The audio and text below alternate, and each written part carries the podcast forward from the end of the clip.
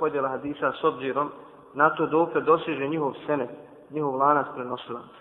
Na osnovu ove podjele hadise možemo podijeliti na četiri vrste. Prvo hadis kudsi, drugo merfu hadis, treće maukuf hadis i četvrto maktu hadis.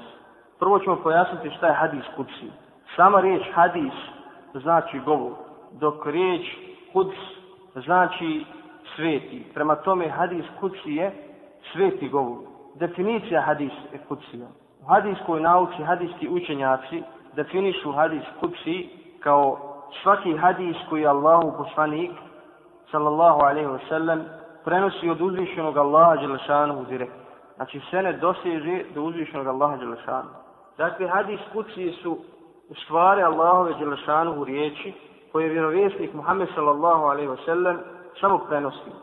Ovdje je Allahu poslanik sallallahu alaihi ve selleme u ulozi ravije prenosio od hadisa, jer sened kod hadisa kucija doseže do Allaha Đelešanu. Hadisi kući možemo razlikovati od običnog hadisa, po tome što se što se senet kod hadisa, što senet kod hadisa dosi, doseže samo do poslanika sallallahu alejhi ve sellem. A senet kod hadis kucija doseže do Allaha dželle šanu. Navešćemo primjer za hadis kuci, to je hadis koji bježi Buharija i Muslim, od Abu Dera, radijallahu an, a on prenosi, on prenosi od vjerovjesnika, sallallahu alaihi wasallam, a on od uzvišenog Allaha Đelešanu da je rekao, znači sad ovo su riječi uzvišenog Allaha Đelešanu, ja sam sebi zabranio nasilje pa sam ga i među vama učinio zabranjenim. Sada se postavlja pitanje. Druga vrsta koju smo naveli, druga vrsta hadisa s obzirom na, s obzirom na, znači dok doseže njihov senet, jeste merfu hadis. Ovo je hadis, znači, koji se vezuje za Allahu poslanika sallallahu alaihi sallam. Znači njegov senet završava kod Allahu poslanika sallallahu alaihi sallam.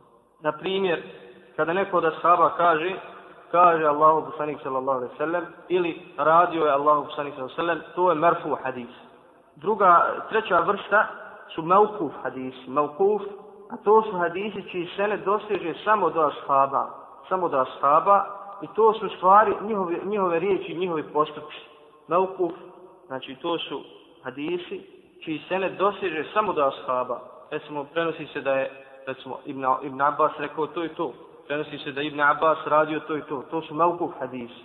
Znači oni kao i ostali hadisi mogu biti, mogu biti na različitom stepenu vjerodostojnosti. Međutim, iako bi bio vjerodostojan hadis meukuf, on se ne može uzeti kao vjerodostojan sahih hadis. Ne može se uzeti kao argument, dokaz, uvjeri ako postoji jeli, marfu hadis. Ako postoji hadis koji direktno doseže do poslanika sallallahu I četvrta vrsta su makpu hadisi, a to su hadisi čiji se ne doseže samo do tabiina, znači generacije iza ashaba, ili nekog poslije njih, u drugim generacijama koje dolazi iza tabiina. Znači to je hadis i se ne doseže samo do tabiina, ili nekoga iz generacije iza njih. Znači kao i kod uh, Melkuf hadisa, izreka reći ashaba, isko izreke tabiina, makku hadis, mogu biti na različitom stepenu vjerodostojnosti, mogu biti sahih, mogu biti Hasan mogu biti daif, može biti ja.